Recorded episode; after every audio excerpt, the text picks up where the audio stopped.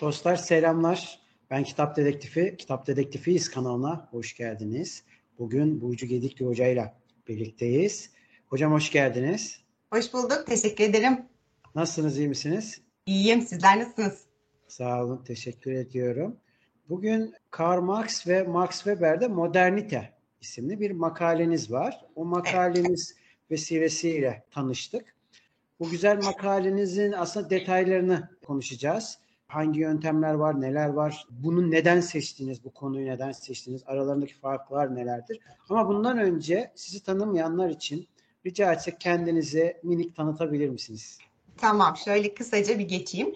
Ee, Hacettepe Üniversitesi Sosyoloji bölümünde doktora çalışmamı yapıyorum. Ders dönemini bitirdim. Tezimin de artık sonlarına doğru yaklaştım. Ee, biraz gergin ve yorucu bir süreç ama bitmek üzere diye umut ediyorum. Onun dışında bir özel eğitim e, merkezinde de öğretmenlik yapıyorum. Şahane, kolay gelsin hocam. Teşekkür ederim. Şimdi tabii konu Türkiye'de her zaman siyasette ama bu biraz da aslında ben şöyle düşünüyorum. Biraz da işle haşır neşir olan birisi olarak işin temellerini bilmediğimiz zaman bir sıkıntı çıkıyor. Dolayısıyla Marx ve Max Weber'in düşünce yapılarına da bakmamız lazım ki bu işi biraz daha temellendirelim diye. Hı hı. E, bu yönden sizin e, makalenizi kıymetli buluyorum. E, Teşekkür tekrar, ederim. E, aklınıza ve kaleminize sağlık öncelikle. Teşekkürler. E, şimdi e, hocam makalenin ama tabii girmeden önce hangi yöntem kullandınız? E, nasıl bir araştırma yöntemi incelediğinizi söyleyebilir misiniz öncelikle? Burada döküman analizi ya da belge tarama dediğimiz bir yöntemle hareket ettim. E, düşünürlerin yani makale bağlamında Marx'ın ve Weber'in eserlerini yani birincil kaynakları okudum. Onun ardından onlar üzerine yazılmış yorumcuların yazdığı kaynakları yani ikinci kaynakları taradım. Fikirlerini edindikten sonra da modern toplum ya da modernite bağlamındaki görüşlerini analiz etmeye çalıştım diyelim.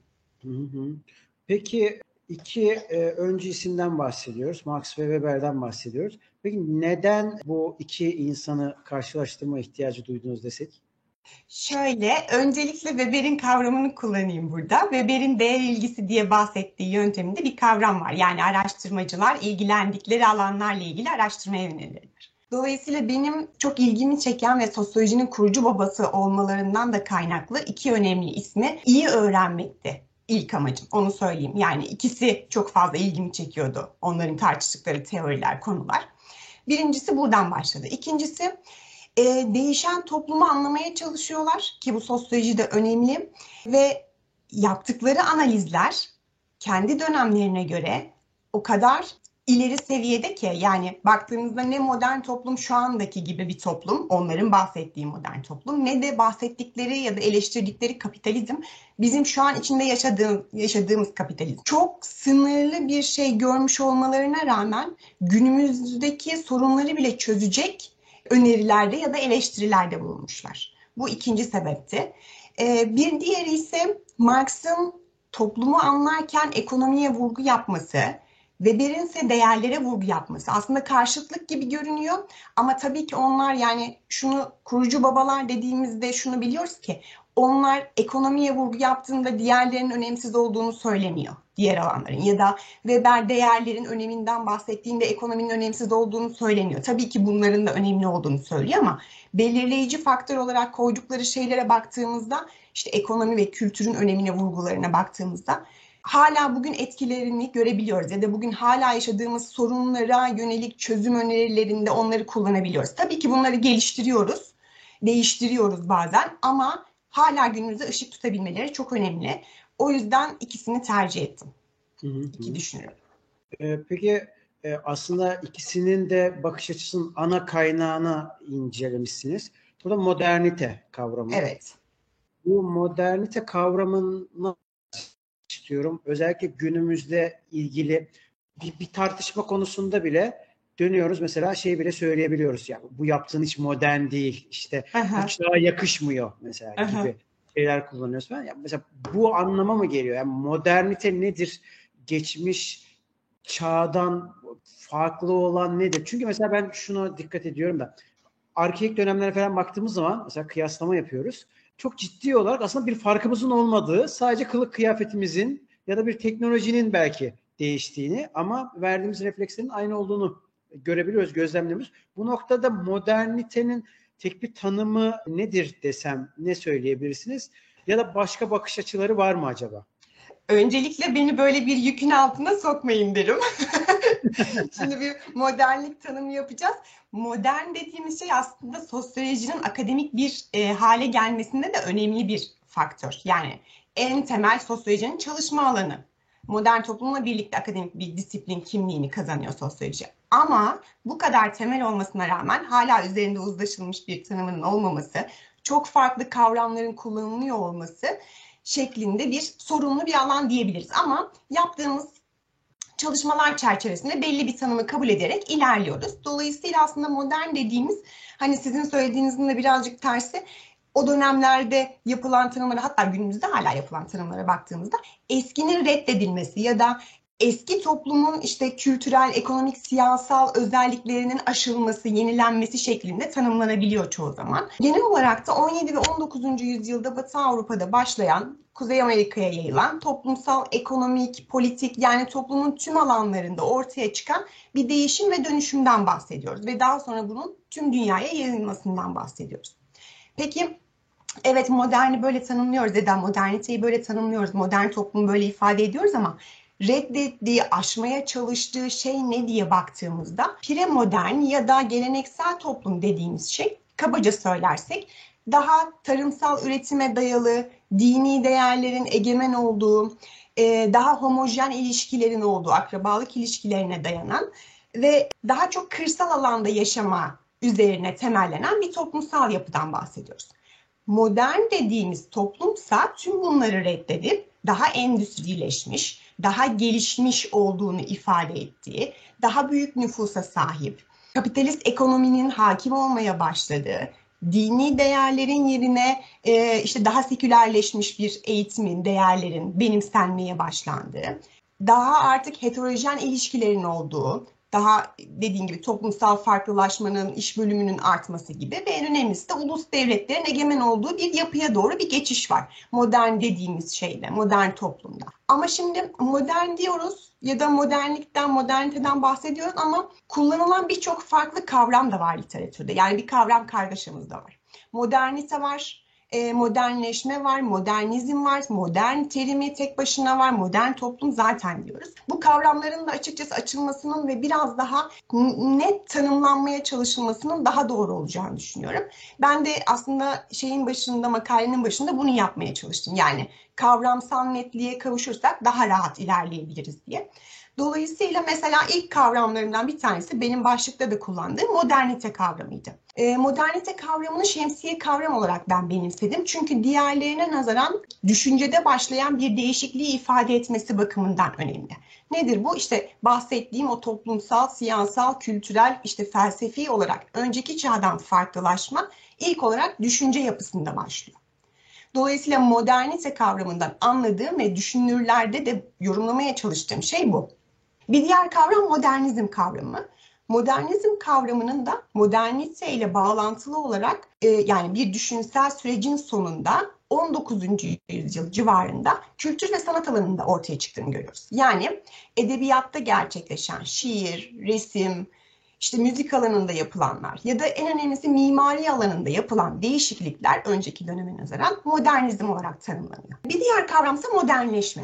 Modernleşme ise tüm bu işte geleneksel dediğimiz toplumdan e, farklılaşarak gelen ilişki ve kurumların o tarihsel gelişim aşamalarını işaret eden bir süreç. Dolayısıyla benim dediğim gibi kullandığım kavram modernite kavramı çünkü bunların hepsini içerdiğini düşünüyorum. Onun dışında bakış açılarını sormuştunuz. E, moderne yönelik çok farklı bakış açıları var literatürde. E, benim de bahsettiğim en temel beş temel bakış açısı vardı. Bunlardan bir tanesi moderni daha olumlu gören, benimseyen ama gelenekseli daha olumsuz gören ya da kötüleyen bir yaklaşım söz konusu ki bu genelde e, ilk dönem sosyologların sosyologlardan Comte'da da var, Parsons'ta da var, Simon'da da var. Yani onların aşılması gerektiğini, artık eskidiğini söyleyen bir düşünce biçimi. E, bunun dışında mesela modernliği kötüleyenler ama geleneğin daha iyi olduğunu söyleyenler var. Burada da mesela en temel örneklerden bir tanesi Zimmel.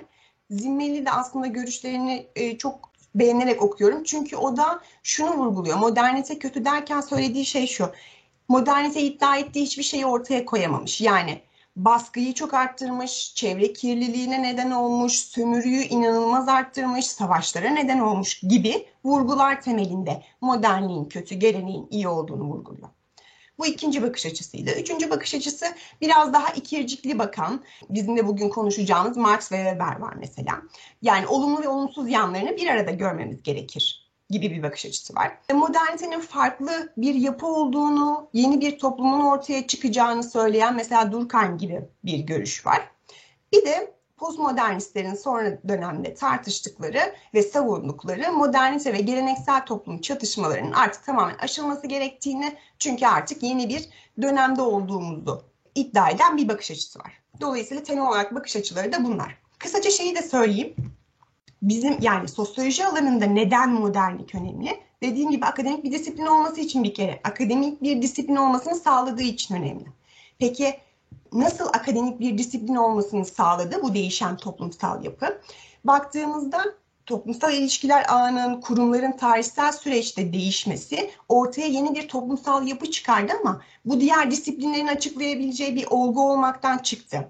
Yani psikolojinin açıklayabileceği, ne bileyim felsefenin açıklayabileceği, tarihin açıklayabil açıklayabileceğinin ötesinde yeni konular ortaya çıktı. Yani artık sadece birey düzeyinde açıklanamıyor. Bireyler arası ilişkilerin, yeni ortaya çıkan kurumların açıklanmasına ihtiyaç var. E, yeni tabakalaşma ya da sınıflar ortaya çıktı, göçler oluştu. Bunların açıklanmasına ihtiyaç var. Dolayısıyla sosyoloji alanı içinde bu yüzden önemli. Bu yeni yapı ortaya çıkmaya başladığında Marx ve Weber de dahil olmak üzere o kurucu babalar dediğimiz isimlerin temelde yapmaya çalıştıkları, açıklamaya çalıştıkları iki temel soru var. Birincisi bu farklı olan ya da yeni olan ne? Yani önceki dönemden ne farklılaştı? İkincisi de evet bir şeyler farklılaştı belli ve bir kaos ortamı ortaya çıktı. Çünkü eski yapıdan yeni yapıya geçiş öyle kolay kolay gerçekleşmiyor. Dolayısıyla toplumsal düzeni nasıl sağlayacağız da onlar için temel önemli bir soru. Dolayısıyla iki sorudan hareket ettiler. Peki yeni olan neydi? Ya da modern olan neydi? Modern toplumda ortaya çıkan şey neydi diye baktığımızda bunları mesela ekonomide gördüler. Sanayileşme, makineleşme, makineleşmenin artmasıyla büyük ölçekli üretimin ortaya çıkması, işte kültürel alanda daha seküler bir eğitimin yapılmaya başlanması ya da okur yazarlığın artmaya başlaması. Toplumsal alanda kırdan kente göçlerin başlaması, yeni bir burjuva ailesinin doğuşu, önceki dönemden farklı olarak. Siyasette dediğimiz gibi siyasal alanda ulus devletin demokratikleşmenin ya da hukuki süreçlerin başlaması, sekülerleşme, ulaştırma haberleşme sistemlerinin yayılması konusunu görünce yeni olanın bu olduğunu fark edip Şimdi bunun üzerine toplumsal düzeni nasıl sağlarız ya da bunları bu yeni olanı nasıl açıklarızı açıklamak için farklı kavramlardan yola çıkıyorlar. Dolayısıyla evet biraz uzun sürdü modernleşmeyi anlatmam ama genel olarak bu başlıklar altında söyleyebiliriz. Önceki dönemden farkı bu ve sosyoloji içinde önemi bu. Yani önceki dönemden farkını neler olduğunu ve bu oluşan farklı yapının nasıl bir toplumsal düzenle nasıl bir toplumsal düzen şeklinde sağlanabileceğinin bulunması. Tam bu noktada Marx'ın aslında olumsuzladığı, ideal topluma giden yolu açması sebebiyle aslında bir yönüyle de olumladığı, ya birazcık diyalektiği kullanmış. Evet. Ee, ona şahit oluyoruz. Ve e, ama mesela Weber bu konuda e, nerede duruyor? Şöyle, Marx'tan başlayalım mı sırayla? Tabii e, dediğiniz gibi evet diyalektiğini kullanıyor. O ikircikli yapıyı, ikircikli bakış açısını aslında her yerde görüyoruz. Weber'de de var şimdi. Ondan da bahsedeyim hemen daha sonrasında. Marx'ta da var. Ama Marx'ın bu modern topluma nasıl ikircikli baktığını anlamak için biraz e, onun felsefesini de düşüncesini de bir şöyle kısaca temel kavramlarıyla bilmemiz gerekiyor. E, toplumların gelişimine bakarken tarih felsefesinden hareket ediyor. Yani onun bir tarih felsefesi var. Peki ne bu tarih felsefesi? tarihsel materyalizm. Tarihsel materyalizmi kurduğu şey ise idealizm karşıtlığı aslında. Yani toplumların gelişim ve değişiminde hatta insanın kendi gelişim ve değişiminde etkili olan şeyin idealizmin bahsettiği gibi fikirler değil madde olduğunu söylüyor. Ki Marx'ın madde diye vurguladığı şey ise üretim biçimi yani ekonomi. Dolayısıyla e, Marx'ın bahsettiği şu toplumlar üretim biçimlerinin değişmesine göre değişir ve dönüşürler. İnsanlar da böyledir. Bu toplumda ortaya çıkan tarihsel evrim sürecini anlatırken tüm koyduğu toplum e, biçimlerinde üretim biçimlerine ve o üretim biçiminin ortaya çıkarmış olduğu sınıfsal yapıya bakıyor aslında. Modern toplumu okurken de bunun üzerinden, bu felsefeden hareketle okuyor. Peki nasıl bir toplumsal gelişim aşaması koyuyor da hem olumluyor hem de olumsuzluyor diye baktığımızda ilkel komünal, asyetik, site devletleri, feodal toplum, modern toplum ve sonrasında o sizin de değindiğiniz ideal topluma geçiş yani sosyalizme geçiş, komünizme geçiş şeklinde toplumların gelişim aşamalarını sıralıyor. Dediğim gibi bunların hepsinde üretim biçimlerine bakıyor. Üretim biçimi dediğimiz şey şu. Hangi üretim güçlerini kullanıyorlar bu toplumlar? Yani işte fabrikayı mı kullanıyor, toprağı mı kullanıyor, ne kullanıyor? Ona göre şekilleniyor. Ve nasıl bir üretim ilişkisi ortaya çıkıyor? Yani site devletlerini tanımlarken işte efendi ve kölelerden bahsediyor mesela sınıfsal yapısında. Ya da feodal toplumdan bahsederken aristokrasi köylü sınıfından bahsediyor. Modern topluma geldiğimizde kapitalist üretim biçiminin ortaya çıktığını görüyor ve buradaki sınıfsal ilişkiyi de kapitalist işçi ya da burjuva işçi şeklinde tanımlıyor. Şimdi bunlara bakarken evet böyle ortaya çıkıyor. Yani üretim biçimleri ve bunun ortaya çıkardığı sınıfsal yapı bağlamında toplumları sıralıyor evrimsel gelişim sürecinde ve bu dönüşümünde sağlayacak olan şeyin yine diyalektik felsefesine uygun olarak sınıflar arasındaki çatışma ya da mücadele olarak görüyor. Dolayısıyla Marx topluma bakarken yani bu şekilde toplumsal evrim sürecinde toplumları açıkladıktan sonra modern topluma geliyor ve onu şöyle anlatmaya başlıyor. Modern toplumun diğerlerinden farkı bir kere üretim sürecinin çok genişlemiş olması. Yani feodal toplumdan da site devletlerinden de en büyük farkı bu. Artık çok geniş çapta üretim yapabiliyor fabrikalarda ve çok geniş bir ürün çeşitliliğine sahip. Burada daha sonra hmm, Weber'de de vurgulayacağım aslında rasyonelleşme kavramı var. E, fakat hani kısaca bir parantez açayım, küçük bir parantez açayım. Weber'in bahsettiği rasyonelleşme kavramı toplumsal alanın bütün alanlarına yayılmışken Weber sadece çalışma sürecinin rasyonelleşmesine vurgu yapıyor. Yani kapitalizmin diğer üretim biçimlerinden farkı bu. Neden bunu yapıyor? Neden rasyonelleştiriyor? Çünkü en yüksek karı elde etmeye çalışan bir sistemle karşı karşıyayız diyor. Dolayısıyla bunu elde edebilmek için rasyonelleşme, iş sürecinin rasyonelleşmesi çok önemli. Ee, bunu ifade ettikten sonra şunu söylüyor. Modern toplumda dediğim gibi temel kavram üretim biçimi. Üretim biçimi olarak kapitalist üretim biçimini görüyor. Sınıfsal yapısı da kapitalist ve işçi şeklinde ayrımlaşıyor.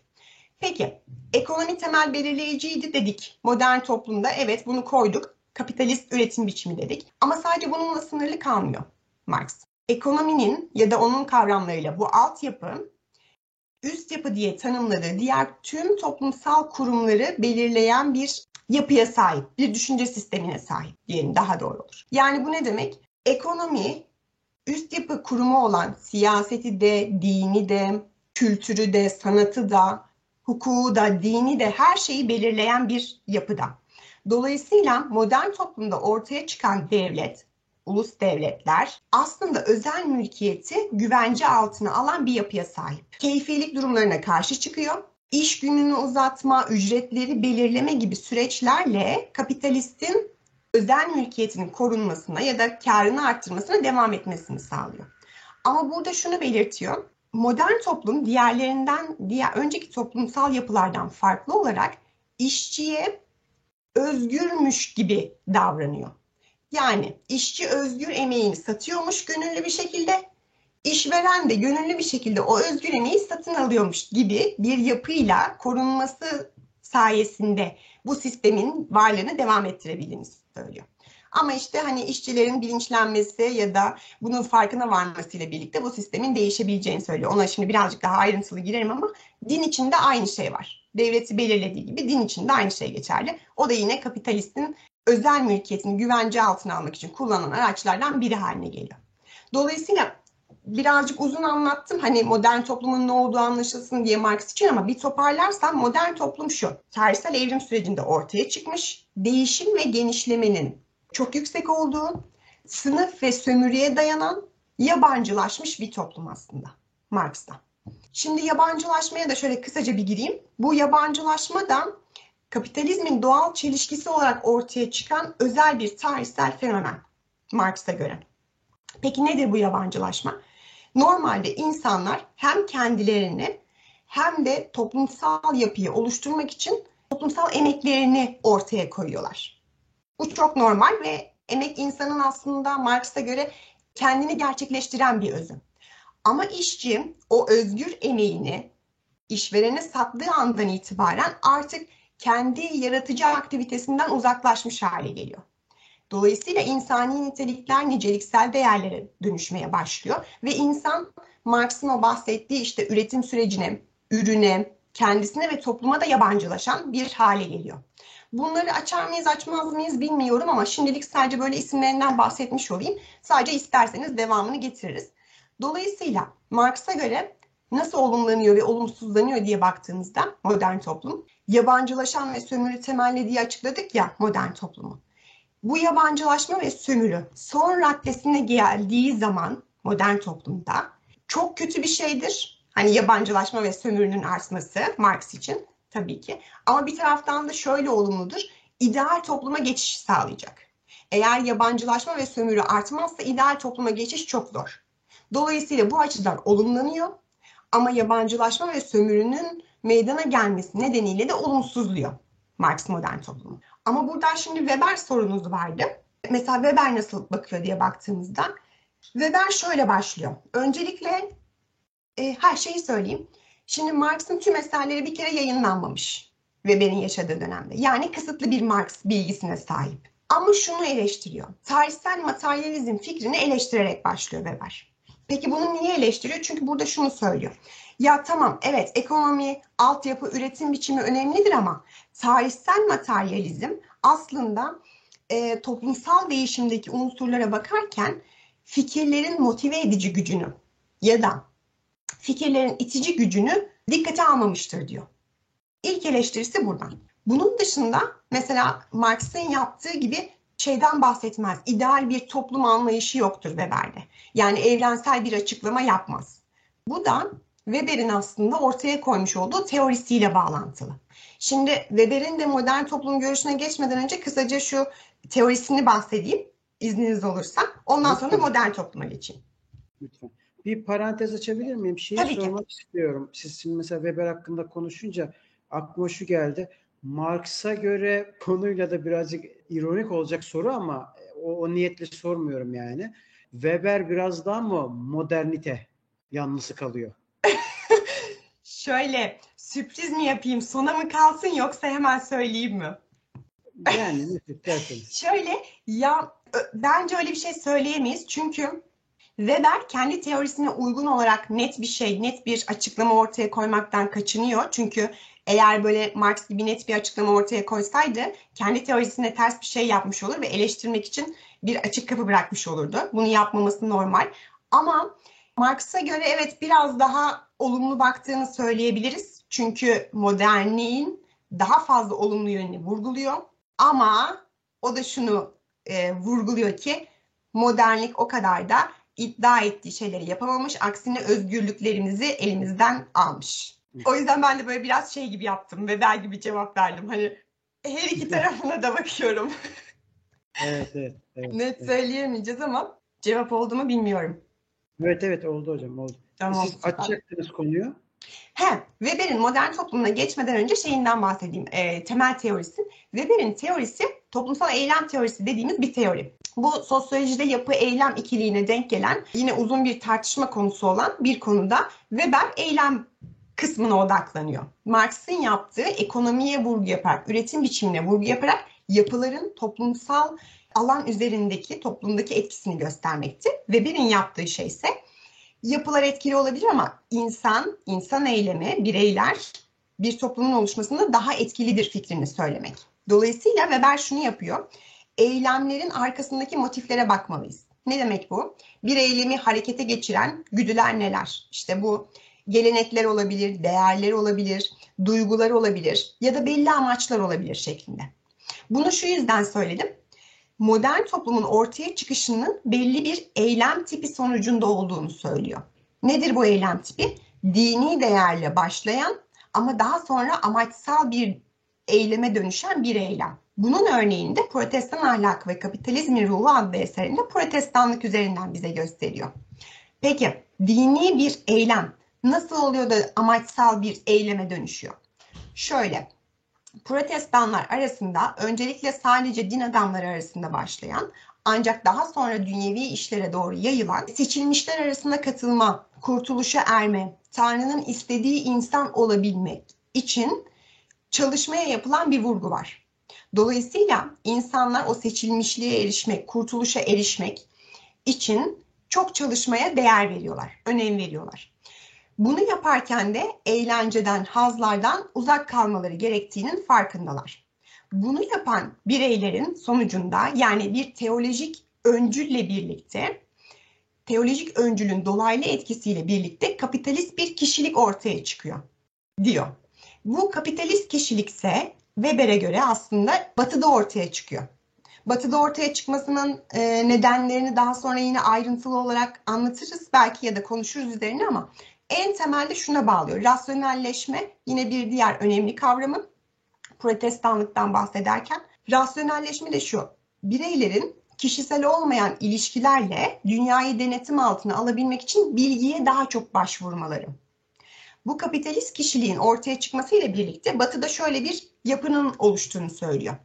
Geleneği reddeden, sihir ve büyüden uzaklaşan, keyfilikten uzaklaşan, rasyonel eylemler ve ahlak temelinde hareket eden bireylerin oluşturduğu bir toplumsal yapı söz konusu. Ee, burada hemen kısaca şeye bir atıf yapabiliriz Marx'a. Marx'tan farklı olarak Marx bir üretim biçimi olduğunu söylüyordu. Weber ise bir eylem biçimi sonucunda modern toplumun ortaya çıktığını vurguluyor. Ve mesela bununla ilgili Çin, Hint toplumlarını, İslam ve Budizm gibi dinleri inceleyip oralarda gerekli toplumsal ve dinsel koşullar olmadığı için e, kapitalizm olsa dahi çok kişisel boyutta kaldığını söylüyor. Temel vurgusu bu Weber'in. Marx'tan bir diğer farkı bunu vurguladıktan sonra e, toplumları incelerken e, bu arada şeyi söylemiştim ya evrensel bir açıklama yapmıyor diye. Toplumları inceliyor ama her toplumun kendi içerisindeki özellikleriyle değerlendirmemiz gerektiğini söylüyor. E, burası da önemli. Şimdi Marx'tan bir diğer farkına da şöyle değinebiliriz. Kapitalizm biçimlerinden bahsediyor. Evet, Batı'da da bir kapitalizm ortaya çıktı. Diğer toplumlarda da belli bir kapitalizm biçimi var. Bu ilk kez Batı'da ortaya çıkmadı. Ama bunun farkı ne Weber'e göre? Şunu yapıyor. İki tip kapitalizmi önce büyük başlık halinde ayırıyor. Bunlardan bir tanesi siyasal kapitalizm dediği. Bir diğeri ise çağdaş endüstriyel kapitalizm dediği bir kapitalizm. Siyasal kapitalizm o döneme kadar ki aslında tüm topluluklarda bir şekilde kendisini gösteren işte emperyalist kapitalizm, sömürgeci kapitalizm, başka ne vardı? Serüvenci kapitalizm, vergici kapitalizm şeklinde adlandırdığı alt başlıklar var. Bunlara baktığımızda ha bu şeyi de söyleyeyim. Weber'in ilgilendiği ise bu alan değil yani siyasal kapitalizm ve çeşitleri değil. Çağdaş endüstriyel kapitalizm ya da burjuva kapitalizmi dediği kapitalizmi inceliyor. Yani batıda ortaya çıkan. Peki bunun farkı ne? Önceki dönemlerdeki kapitalizmlerde ona göre kar ve kazanç bir sonraki güne devredilmiyor. Kazanılıyor. Mesela burada şeyden de örnek veriyor. Fetihlerden de örnek veriyor. Ya da sömürgecilikten de örnek veriyor. Bir kazanç elde edildi. Sonra ya bireyler çalışmayı bırakıyor ya da çok az çalışıyor. Çünkü günü kurtardılar. Belli bir miktar yiyecekleri, giyecekleri, paraları var tamam. Ama burjuva kapitalizmi dediği öyle değil o prekapitalist dönemlerden farklı olarak bir sonraki güne para bırakma, bir sonraki güne yatırım yapma söz konusu. Ve bunu ibadet amacıyla başlatıyorlar. Bunu tekrar vurgulayalım. En önemlisi bu çünkü. Eylemler bu şekilde değişiyor. Eylem tipi.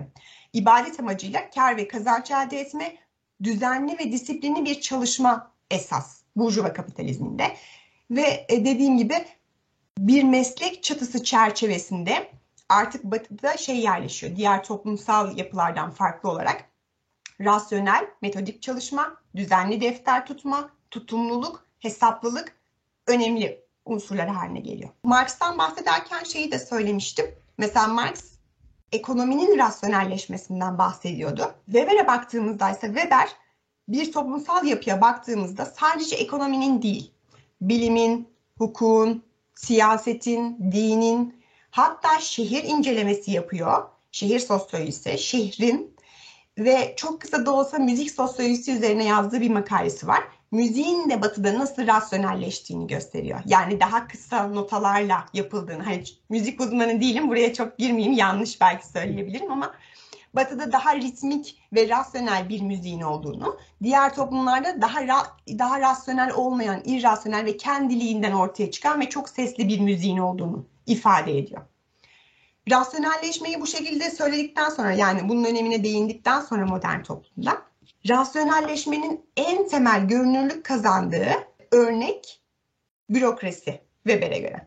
Bürokrasiyi önemsiyor modern toplumlarda çünkü önceki toplumlardan çok büyük bir farklılık gösteriyor. Çünkü tüm toplumsal yapıda yazılı kurallara dayanması, hiyerarşiye dayanması, uzmanlaşma ve iş bölümünün olduğunu biz bürokrasiyle birlikte görebiliyoruz diyor. Bu modern toplumda kapitalizmin devam edebilmesinin belli şartları var Weber'e göre.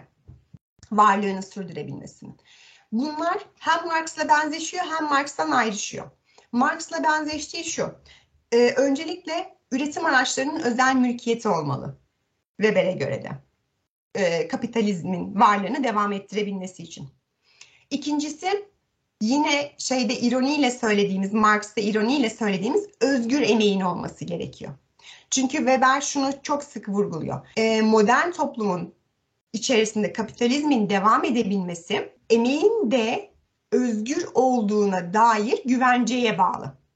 Yani pazara çıktıklarında hem işçi hem işveren e, özgürce birbirleriyle değiş tokuş yapabiliyormuş gibi görünmeli ve bir yerde de aslında hakları hukukla birlikte korunmalı. İşçilerin de korunmalı. Buna güvenebilmeliler. O sayede çünkü emeklerini satıyorlar. Şimdi kapitalizmin varlığını devam ettirebilmesi için bu ikisi Marx'la birlikte ortak dedik. Bunun dışında rasyonel teknolojiye vurgu yapıyor e, ekonomik yaşamın ticarileştirilmesi ve hukukla güvence altına alınması, dolayısıyla bir rasyonel hukuk, rasyonel devlet, iş ve yaşamın, iş ve evin birbirinden ayrılması ve en önemlisi de rasyonel defter tutmanın gelişmiş olması gerekir diyor Weber. Dolayısıyla modern topluma bakarken de aslında Weber'in hem olumladığı hem olumsuzladığı şeylerden bir tanesi bu. Yani evet bu e, bürokrasi, rasyonelleşme olumlu çünkü öngörülebilirlik sağlıyor, belli bir özgürlük alanı sağlıyor.